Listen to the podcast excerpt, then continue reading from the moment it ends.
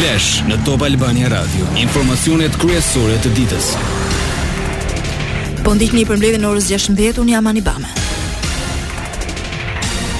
Pas tërmetit, presidenti Erdogan shpall gjendjen e jashtëzakonshme në Turqi për 3 muaj në 10 qytetet e prekura mes tyre Gaziantep, Adana dhe Diyarbakir. Shpallja vjen në kohën kur në Turqi dhe Siri po vazhdojnë përpjekjet për të shpëtuar personat që besohet se kanë mbetur nën rrënojat e mijëra ndërtesave të shkatërruara nga tërmetet e fuqishme. Deri tani janë mbi pesë mijë viktima, shumica në Turqi ku u rrëzuan rreth pesë mijë e tetëqind objekte dhe numërohen mbi njëzet e pesë mijë të lënduar.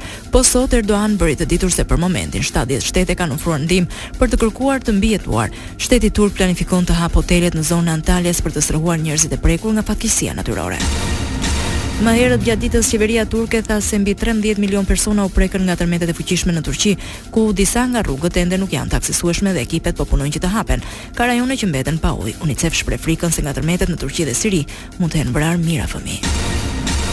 E ndërsa Shqipëria iu bashkua përpjekjeve për të ndihmuar Turqinë në lehtësimin e pasojave të tragjedisë, aty mbërriti skuadra e dërguar nga shteti shqiptar. Kryeministri Rama ndau foto para zbritjes në terren të ekipit tonë. Misioni përbëhet nga pjesëtarë të forcave të armatosura dhe Agjencisë së Mbrojtjes Civile, Në përbërje të tij janë pesëdhjetë e tre vetë personel mjekësor, si dhe specialistë të kërkim shpëtimit.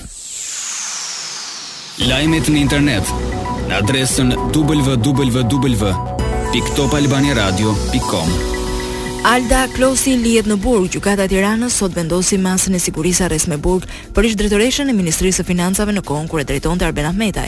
Zyrtarja dyshohet për pastrim parash dhe deklarime të rreme para grupit hetimor. Ndërkohë, dyzet e një vjeçarja vazhdon e shtruar në mjediset e QSUT-së për shkak të problemeve shëndetësore të lidhura me tensionin e lartë.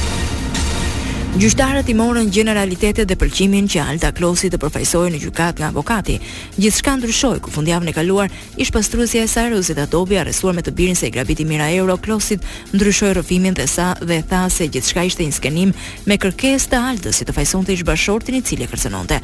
Por, avokati i Alda Klosit, Ilirian Muho, fajëson ish-pastruesen. Tashmë është e zënë me presh në dorë si një person që ka vjedhur banesën e një shtetasi dhe natyrisht të përpiqet të përfitojë sado të jetë e mundur një pozitë më të lehtësuar për djalin e saj.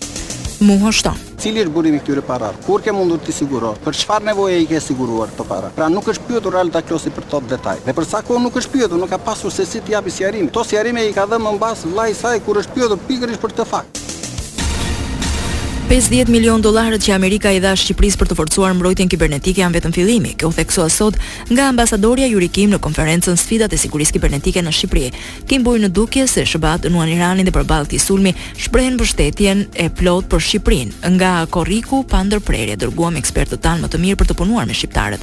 Ju nuk jeni vetëm në përgjigjen ndaj sulmit kibernetik, duhet të identifikojmë mbrojtjen tonë kolektive, deklaroi diplomatja e Uashingtonit. ndërsa zëvendës kryeministra Balluku u shpreh.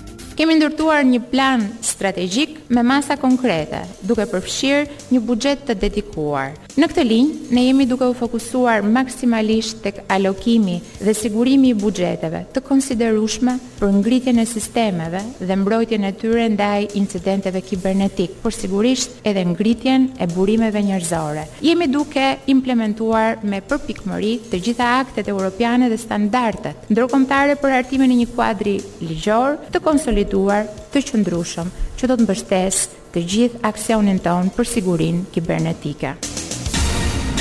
Konferenca e Kryetarëve miratoi zhvillimin e mocionit me debat për çështjen McGonigal, lajmin e bëri me dije kryetari i Grupit Parlamentar Socialist Taulant Balla. Gazetarëve u tha se nëse kërkesa e opozitës mbante firmën e Sali Berishës nuk do të pranohej.